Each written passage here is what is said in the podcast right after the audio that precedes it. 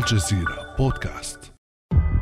خلال لقاء خال من البروتوكولات كعادته جلس الرئيس الأمريكي السابق دونالد ترامب وعلى يمينه ولي العهد السعودي الأمير محمد بن سلمان. وأمام الكاميرات ارتدى ترامب ثوب التاجر الشاطر وبدأ باستعراض صفقات تصدير أسلحة من بلاده إلى المملكة العربية السعودية تقدر بمليارات الدولارات. لكنه لم ينس أن يذكر ضيفه ابن سلمان بأن هذه المليارات لا تساوي شيئا مقارنة بثروات المملكة have been approved and are currently under construction and will be delivered. هناك العديد من الأمور التي تمت الموافقة عليها وهي الآن في طور البناء وسيتم إيصالها إلى السعودية قريبا من أجل حماية أراضيها وفيما يخص التكلفة المالية فهنالك صفقة بثلاثة مليارات دولار وأخرى بقيمة 533 مليون دولار وأخرى ب 525 مليون دولار. هذا بمثابة فول سوداني بالنسبة لكم. هناك صفقة بقيمة 880 مليون دولار وأخرى ب 645 مليون دولار. كما تبلغ قيمة الفرقاطات التي ستقتنيها السعودية ستة مليارات دولار. مشهد يعكس جانبا من حجم الإنفاق العسكري للسعودية التي تصدرت قائمة المستوردين للأسلحة عالميا. وفق التقرير الأخير لمعهد ستوكهولم الدولي لأبحاث السلام سيبري. فيما سجلت دول الشرق الأوسط ثاني أكبر زيادة في واردات الأسلحة من بين مناطق العالم. فلماذا تتسلح الدول العربية؟ وما علاقة هذا التسابق على التسلح بالنزاعات والتنافس على الريادة في الإقليم؟ وما هي آثار الإنفاق المتزايد على التسلح على الأولويات الاقتصادية والاجتماعية للشعوب العربية؟ بعد أمس من الجزيرة بودكاست أنا خديجة بن جنة.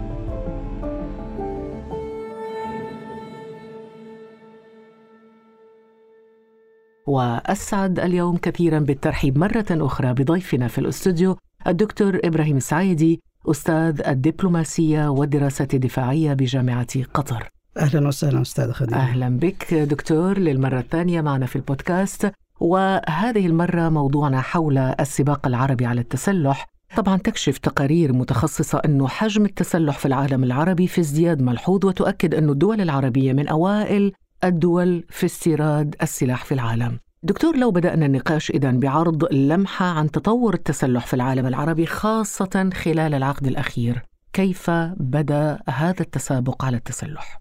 قبل البداية أريد أن أشير إلى مسألة منهجية تعقيبا على ما جاء في التقرير الذي تقدمتم به وهو أنه حينما نتكلم عن النفقات على شراء الأسلحة فإن النفقات لا تعتبر إلا بندا من بنود ميزانية الدفاع لأن ميزانية الدفاع يقصد بها هي ما تخصصه دولة ما وما تصرفه خلال عام على قواتها المسلحة وتعتبر النفقات العسكرية والإنفاق الفعلي يخصص لتزويد القوات المسلحة بما تحتاجه من معدات. فهذه من الناحية المنهجية وأنه عادة الدول تلبي احتياجاتها إما عن طريق شراء الأسلحة بالنسبة للدول التي ليست عندها صناعة عسكرية أو عن طريق التصنيع أو هما معا. هناك ثلاث اختيارات ولكن القاعدة الأساسية التي تميز سياسة التسلح سواء في العالم العربي أو على مستوى العالم ككل نستطيع أن نقول أن هناك منهجية. هذه المنهجية ترتكز على أمرين أساسيين أن سياسة التسلح يجب أن ترتبط بمصادر التهديد. والمسألة الثانية يجب أن تكون سياسة التسلح تتوافق مع ما يمتلكه أو تمتلكه القوى المعادية وقدراتها على تطوير قدراتها التسلحية. وفي كل الحالات أن هذه السياسة تخلق ما نسميه بمأزقا أمنيا بالنسبة لعدد من الدول التي بينها خلافات دبلوماسية أو خلافات ترابية في إطار فعل ورد الفعل للحفاظ على التوازن الاستراتيجي. طيب لو قربنا الفهم للمستمع وأعطينا أمثلة عن هذه الدول التي تسعى إلى توازن الرعب بين قوسين من خلال التسلح؟ لا التوازن الاستراتيجي وتوازن الرعب مختلفان لكن في حالة العالم العربي أستطيع أن أقول أن هناك ثلاث أنواع من التوازن الاستراتيجي التي حرصت عليه عدد من الدول العربية. أولا التوازن الاستراتيجي التقليدي الذي كان قائما تاريخيا بين المغرب والجزائر حيث تسعى كل دولة إلا أن لا تجد نفسها في مواقع متأخرة فيما يتعلق بالحصول على قوة عسكرية متقدمة. التوازن الاستراتيجي بين دول الخليج وإيران ثم أصبحنا نرى التوازن الاستراتيجي ما بين دول الخليج فيما بينها. لكن خلال العشر سنوات الماضية القادمة اختفى من معادلة التوازن الاستراتيجي في مجال التسلح وهو التسلح من أجل الحفاظ على مستوى معين مع إسرائيل. فالدول العربية لم تعد تتسلح لمواجهة إسرائيل.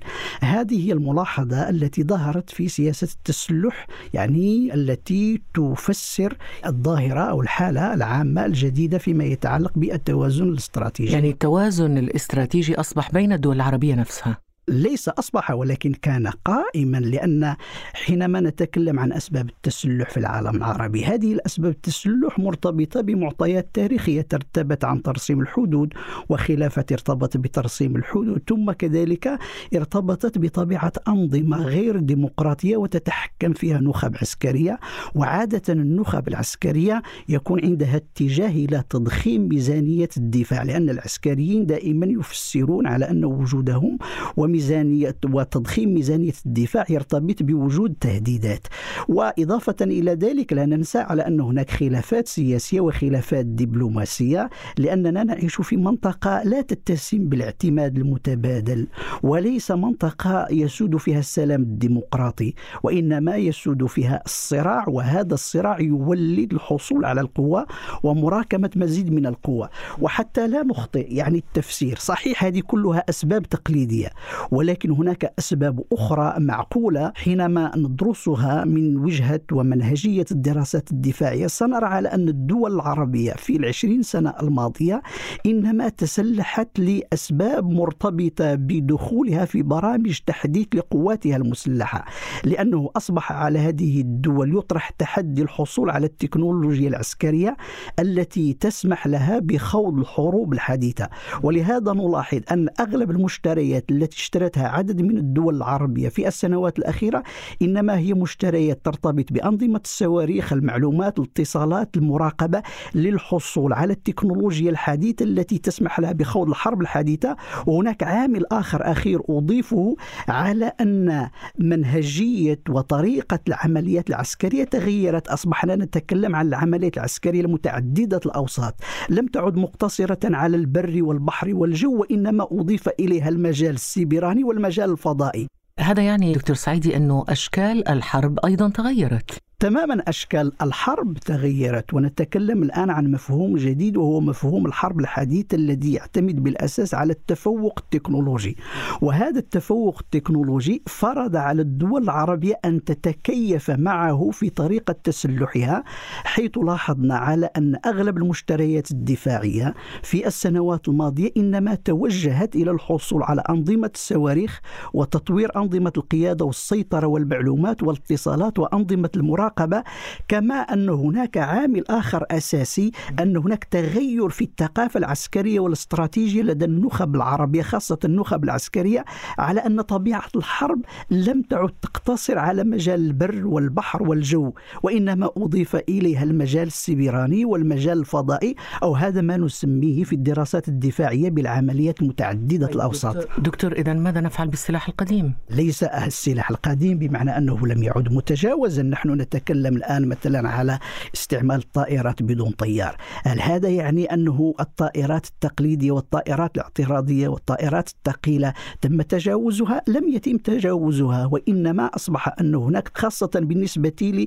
للدول التي عندها مساحات جغرافية وعندها عمق استراتيجي لا يمكن أن تتخلى عن هذه الأمور. ولكن طريقة إدارة الحرب اليوم إنما تعتمد على المرونة على الخداع على المراقبة على الاتصالات. على استعمال التكنولوجيا وبالتالي يجب التكيف وأن تكون سياسة التسلح تتكيف مع هذه المعطيات في إدارة العمليات العسكرية. دكتور إبراهيم سعيدي أعطيت أمثلة قربت لنا الفهم عن سباق التسلح والتوازن الاستراتيجي، ذكرت الجزائر والمغرب، ذكرت دول الخليج فيما بينها ودول الخليج وإيران، وأنه إسرائيل خرجت من دائرة المواجهة بمعنى أنه لا نشتري السلاح الآن لمواجهة إسرائيل ولكن لنواجه بعضنا البعض لكن من هي الدول الأكثر شراء للسلاح في العالم العربي؟ هذا سؤال أساسي يرتبط بمنهجية قياس التسلح وماذا يأخذه النفقات على التسلح من ميزانية الدولة. عادة نقارن ونحسب هذا الأمر من خلال ما يأخذه ميزانية الدفاع وكذلك نسبة التسلح من الدخل القومي. فحينما ننظر إلى العربية السعودية سنجد أن ميزانيتها ونفقاتها الدفاعية تتراوح ما بين 15 إلى 18% من الدخل الدخل القومي للدولة على خلاف مثلا الولايات المتحدة الأمريكية التي تخصص 700 واحد مليار دولار من ميزانيتها للنفقات العسكرية في حين لا تشكل إلا 4% من الدخل القومي. فبالتالي من الذي ينفق أكثر؟ هي العربية السعودية لأن ذلك يأخذ حجما كبيرا من الدخل القومي. دكتور إبراهيم سعيدي هذه يعني معلومات وإحصائيات مهمة جدا والآن ذكرت أنه السعودية تتصدر قائمة الدول الأكثر شراء للسلاح وأنها تنفق ما بين 15 إلى 18% من دخلها القومي في السنوات الأخيرة على شراء السلاح وهذا يضعها من ضمن حتى دول عربية أخرى طبعا ضمن الدول الأكثر شراء للسلاح حتى مقارنة بدول الناتو نفسها. طيب ماذا عن دول أخرى دول عربية أخرى؟ ماذا عن الإمارات؟ ماذا عن مصر؟ عن الجزائر؟ عن قطر؟ عن قطر حينما ننظر إلى سياسة النفقات الدفاعية لدولة قطر خلال التسعة سنوات الأخيرة منذ بداية الحصار. سنلاحظ أن هذه النفقات ارتفعت بنسبة 245% والسبب بطبيعة الحال وهو الأزمات الدبلوماسية والنزاعات تولد لأنه بطبيعة النفقات العسكرية متضخمة في جميع الدول العربية حينما نقارنها بالدخل القومي وتصبح أكثر تضخما واقتطاعا من الميزانية العامة للدولة وعلى حساب أولويات التنمية حينما تكون هناك نزاعات وأزمات دبلوماسية حيث يتضاعف الإنفاق. وهذه حالة عامة بالنسبة نعم ولكن دكتور إذا كانت ميزانية قطر تسمح بأن تضاعف تضاعف ميزانية شراء السلاح ب 245% مقارنة بسنوات ماضية. هناك دول أخرى ميزانيتها منهكة ورغم ذلك تنفق الكثير على شراء السلاح. وهذه هي حالة المغرب لأنه حينما ننظر إلى حالة المغرب فإنها تعتبر حالة خاصة لأنه ليست لديه الموارد المالية الكافية لمجارة دولة الجزائر التي عندها إمكانية مالية ضخمة والتي تعتبر من الدول التي أنفقت في السنوات الماضية نسب جد مرتفعة على نفقاتها العسكرية.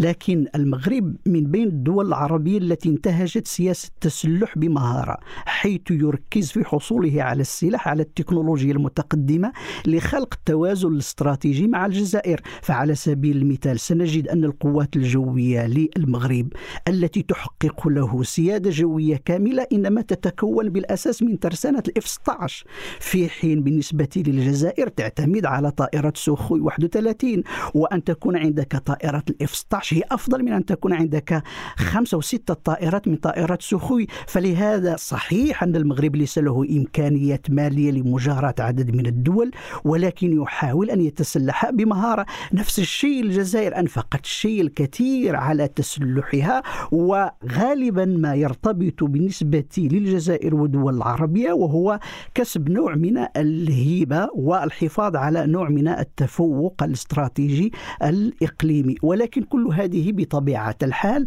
لا تشكل مبررات كافية لأن يأخذ قطاع الدفاع كل هذه النفقات المتضخمة. ماذا عن مصر والإمارات؟ عن مصر والإمارات نفس الشيء حالة عامة تنطبق على أن هذه الدول تنفق الشيء الكثير على قواتها المسلحة الإشكال لا يطرح هنا لا يطرح على أنها تنفق على قواتها المسلحة لأن هذا الإنفاق له ما يبرره. ولكن السؤال هل هذه الدول تنفق بحكمة؟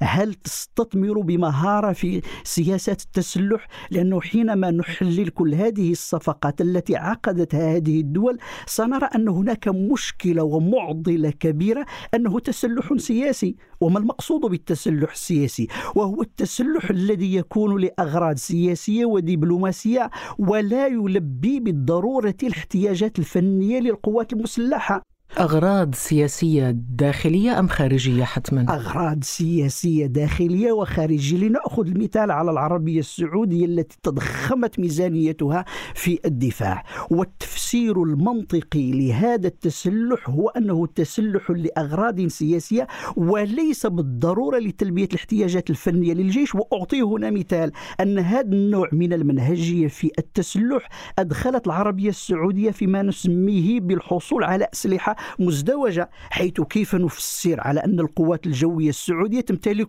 نوعين من الطائرات المقاتلة من طراز تايفون وطائرات الاف 15 في حين كل هذه الطائرات تؤدي نفس الوظيفة وهذه مشكلة حينما يكون عندك تسلح مجتمع مع معناه أنه هدر للمال العام.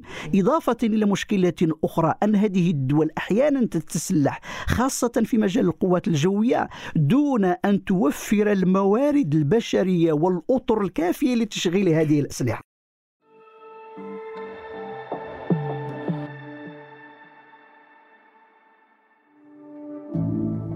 ابقى على تواصل مستمر مع الجزيرة بودكاست ولا تنسى تفعيل زر الاشتراك الموجود في تطبيقك لتصلك الحلقات يومياً.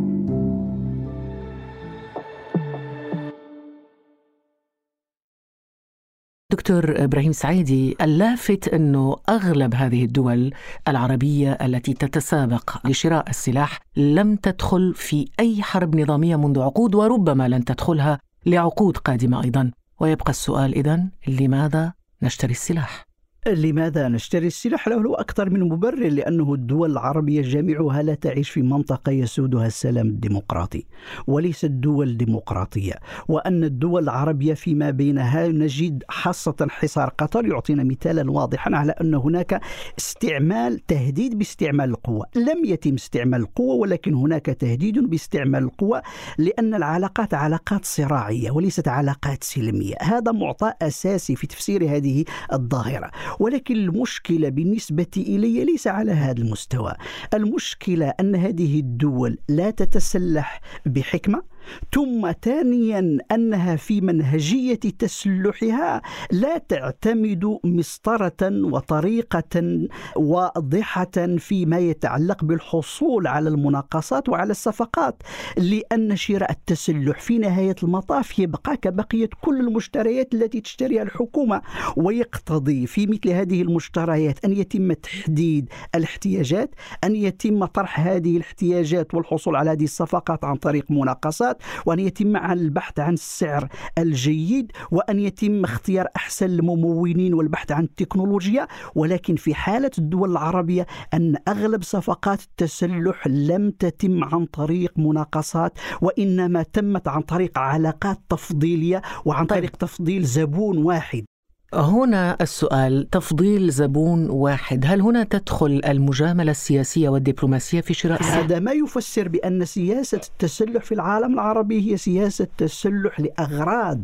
سياسية ودبلوماسية لأن شراء السلاح ليس كشراء البرتقال أو البطاطا هو تجارة صحيح يدر على الدخل القومي ويخلق على أزمة الشوب على الأقل البطاطا والبرتقال تأكلها تتناولها. تأكلها ولكن السلاح يبقى مخزن في المخازن. مخزن أحيانا يمكن استعماله ولا يمكن استعماله وأحيانا يتعرض إلى يطرح مشكلة الصيانة وتجديده والبحث عن قطع الغيار إلى غير ذلك. ولكن تجارة السلاح هي تجارة ولكن ليس كبقية التجارات لأنها التجارة ترتبط بقرار سياسي واستراتيجي وإلا لماذا السلاح الأمريكي لا يذهب إلى إيران وإلى كوريا الشمالية؟ الاعتبارات السياسية والاعتبارات الدبلوماسية. فالدول العربية وخاصة دول الخليج لا أعمم هذه الملاحظة أنها تتسلح لأغراض سياسية ودبلوماسية وهذا يكون على حساب تلبية الاحتياجات الفنية للقوات المسلحة ويجعلها تتسلح بدون النظر إلى تأهيل العنصر البشري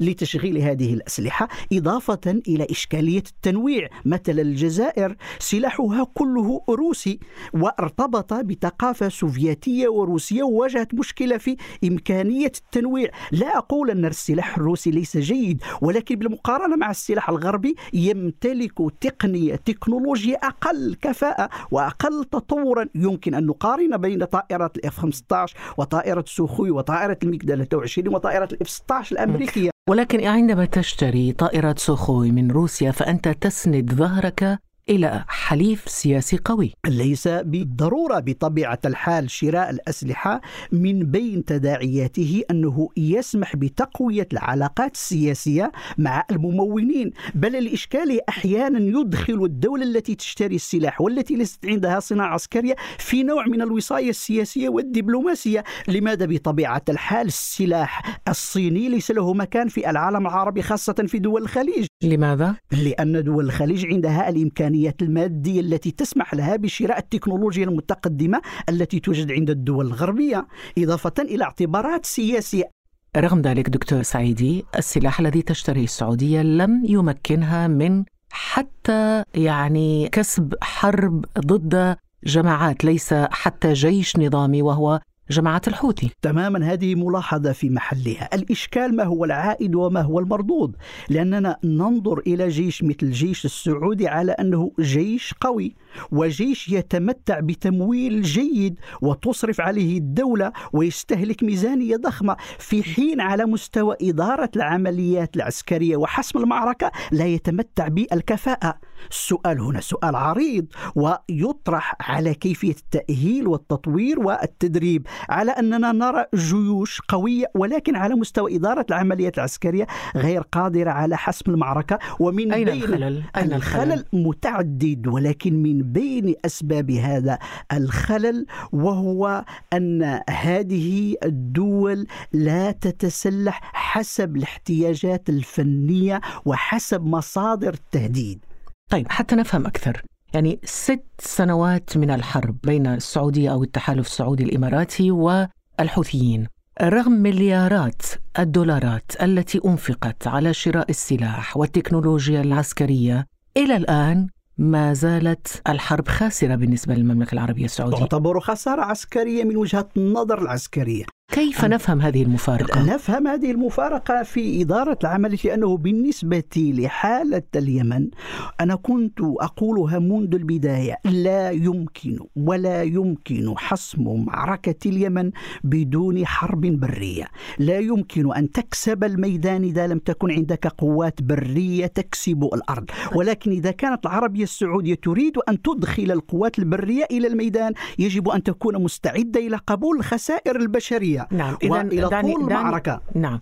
الإنفاق العربي على السلاح. معظمه سلاح جوي أم بري؟ لا السلاح الإنفاق على السلاح هو في السنوات الأخيرة لتلبية احتياج جميع أفرع القوات المسلحة سواء كانت برية أم جوية أم بحرية لنلاحظ حجم الاستثمار الذي قدمته وقامت به قطر خلال ثلاث سنوات من الحصار لتطوير قواتها البحرية ولكن أضيف إليه كما قلت في البداية أن هناك تغير في الثقافة الاستراتيجية أن جزء من هذه النفقات يت توجه إلى الحرب السبرانية وإلى حرب الفضاء. فبالتالي لكن الإنفاق القطري على السلاح موجه إلى مصدر واحد أمريكا؟ لا وبطبيعة الحال بالنسبة لقطر فإن هناك تنوع بحصولها بالضرورة هو سلاح أمريكي وكذلك كان قديما سلاحا فرنسيا في مجمله سلاحا غربيا يتوافق مع المنظومات الغربية لأن لماذا أن يكون عندك سلاح يجب أن يكون فيه نوع من التوافق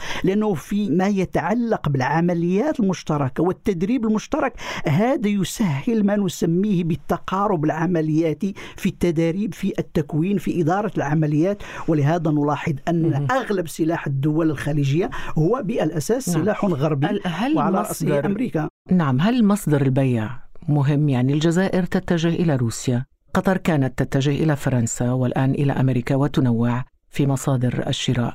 السعودية بالضرورة, بالضرورة أمريكي نعم الولايات المتحدة الأمريكية. هنا كيف نفسر هذا التنوع العربي بالنسبة لبائعي أو مصدري السلاح للعالم العربي؟ بعلاقات تاريخية وبعلاقات سياسية لأنه بالنسبة لدول الخليج تعتبر الولايات المتحدة الأمريكية طرفا في المعادلة السياسية وهناك قواعد عسكرية وبالتالي يفضلون في عملية التدريب والتكوين والاعتبارات سياسية أخرى مرتبطة باتفاقيات عسكرية التوجه إلى الولايات المتحدة الأمريكية لأنه قلنا الإشكالية بالنسبة للدول الدول التي ليست عندها صناعة عسكرية إنما تبقى في نوع من التبعية وفي علاقة مع الممولين الذين يزودونها بالسلاح وغالبا ما تكون هناك إملاءات سياسية وإملاءات دبلوماسية وتعتبر وتعتبر على هذا المستوى صفقات التسلح ليس بالضرورة لاعتبارات تجارية وإنما لاعتبارات سياسية دكتور إلى الآن نتحدث بدون إعطاء أي إحصائيات حول شراء السلاح. الجزائر كم تنفق من مليار؟ السعودية كم مليار؟ الإمارات كم مليار من الدولارات؟ لاحظوا بالنسبة لدولة الجزائر وهذه ملاحظة مهمة أن سياسة التسلح تاريخيا ارتبطت بارتفاع وصعود البرميل. فسنلاحظ أنه في نهاية السبعينات الثمانينيات ارتفعت نسبة النفقات على السلاح. خلال عشر سنوات من التسعينيات خلال الحرب الداخلية التي عرفتها العشرية السوداء الجزائر نقص هذا التسلح مع ارتفاع. يعني سعر البرميل ارتفع نسبة الإنفاق بشكل كبير وأصبحت تخصص ما يفوق 10 مليار سنويا على تلبية احتياجات جيشها الوطني. فهذا معطى أساسي لأنه في نهاية المطاف النفقات العسكرية ترتبط بالقدرات الاقتصادية للدولة. نعم هذا بالنسبة للجزائر. ماذا عن المغرب حتى نفهم خلفية التوازن الاستراتيجي بينهما؟ بالنسبة للمغرب نرى أنه حافظ على مستوى متقدم في ما يعادل 4 إلى 5% من الدخل القومي وهي النسبة كم مليار؟ مليار تقريبا. تقريبا تصل إلى خمسة ستة مليارات في السنة وبطبيعة الحال حينما نقارنها مع الدخل القومي فهي تستجيب للمعايير الدولية لدول الحلف الأطلسي خاصة التي لا تتجاوز 4% نلاحظ مثلا اليابان لا تتجاوز 3% كندا أحيانا لا تتجاوز 2.5 إلى 3% بالمقارنة مع دخلها القومي بالنسبة لحالة المغرب نزاع الصحراء يكلف كل مواطن 2 إلى 3 دولار يوميا حينما نعتمد منهجية مساهمة الفرد أو نسبة الفرد من الإنفاق العسكري وهي نسبة مرتفعة ومكلفة. فبالتالي وجود هذه النزاعات وجود هذه الخلافات السياسية يعتبر عاملا مشجعا على تضخم الإنفاق العسكري. هذا بالنسبة للمغرب والجزائر. ماذا عن باقي الدول العربية؟ نفس الحالة. ليس هناك اختلاف. القاعدة العامة وهي أن جميع الدول العربية تنفق أكثر من المعدلات الدولية على السلاح بل نتكلم في هذه الحالة عن ما نسميه بنوع من العسكرة. والعسكرة هي تضخم النفقات العسكرية بشكل كبير بالمقارنة مع الدخل القومي للأسباب التي ذكرناها لأن تخفيض هذه النسب المرتبعة لا يمكن أن يتحقق إلا بتغيير طبيعة الأنظمة السياسية إلا بوجود نوع من السلام الديمقراطي إلا بوجود حل وتجاوز الخلافات السياسية وتجاوز هذه النزاعات التي أدت إلى ارتفاع هذه النفقات. لكن دكتور إبراهيم سعيدي هل هناك علاقة بين نوعية الأسلحة التي تستوردها الدول العربية وطبيعة التهديدات التي تواجهها لو أخذنا على سبيل المثال مثلا الحرب على الإرهاب هل السلاح الذي نشتريه يساوي أو يعني السلاح الذي اشترته أغلب الدول العربية على مستوى الخطاب الذي تبرر به ارتفاع هذه النفقات وإنما هناك حرب ضد الإرهاب ولكن هذه الأسلحة مثل ال F 16 والاف تايفون وغيرها لا تصلح لمحاربة الإرهاب. وفي حالات أخرى بالنسبة لدول الخليج خاصة وأتكلم هنا عن العربية السعودية والإمارات أن سياساتها التسلحية ارتبطت تاريخيا ببناء التوازن الاستراتيجي مع إيران. لنتكلم عن نظام الدفاع الصاروخي الذي سعت إليه هذه الدول للحصول عليه من أنظمة باتريوت وأنظمة ثاد الأمريكية.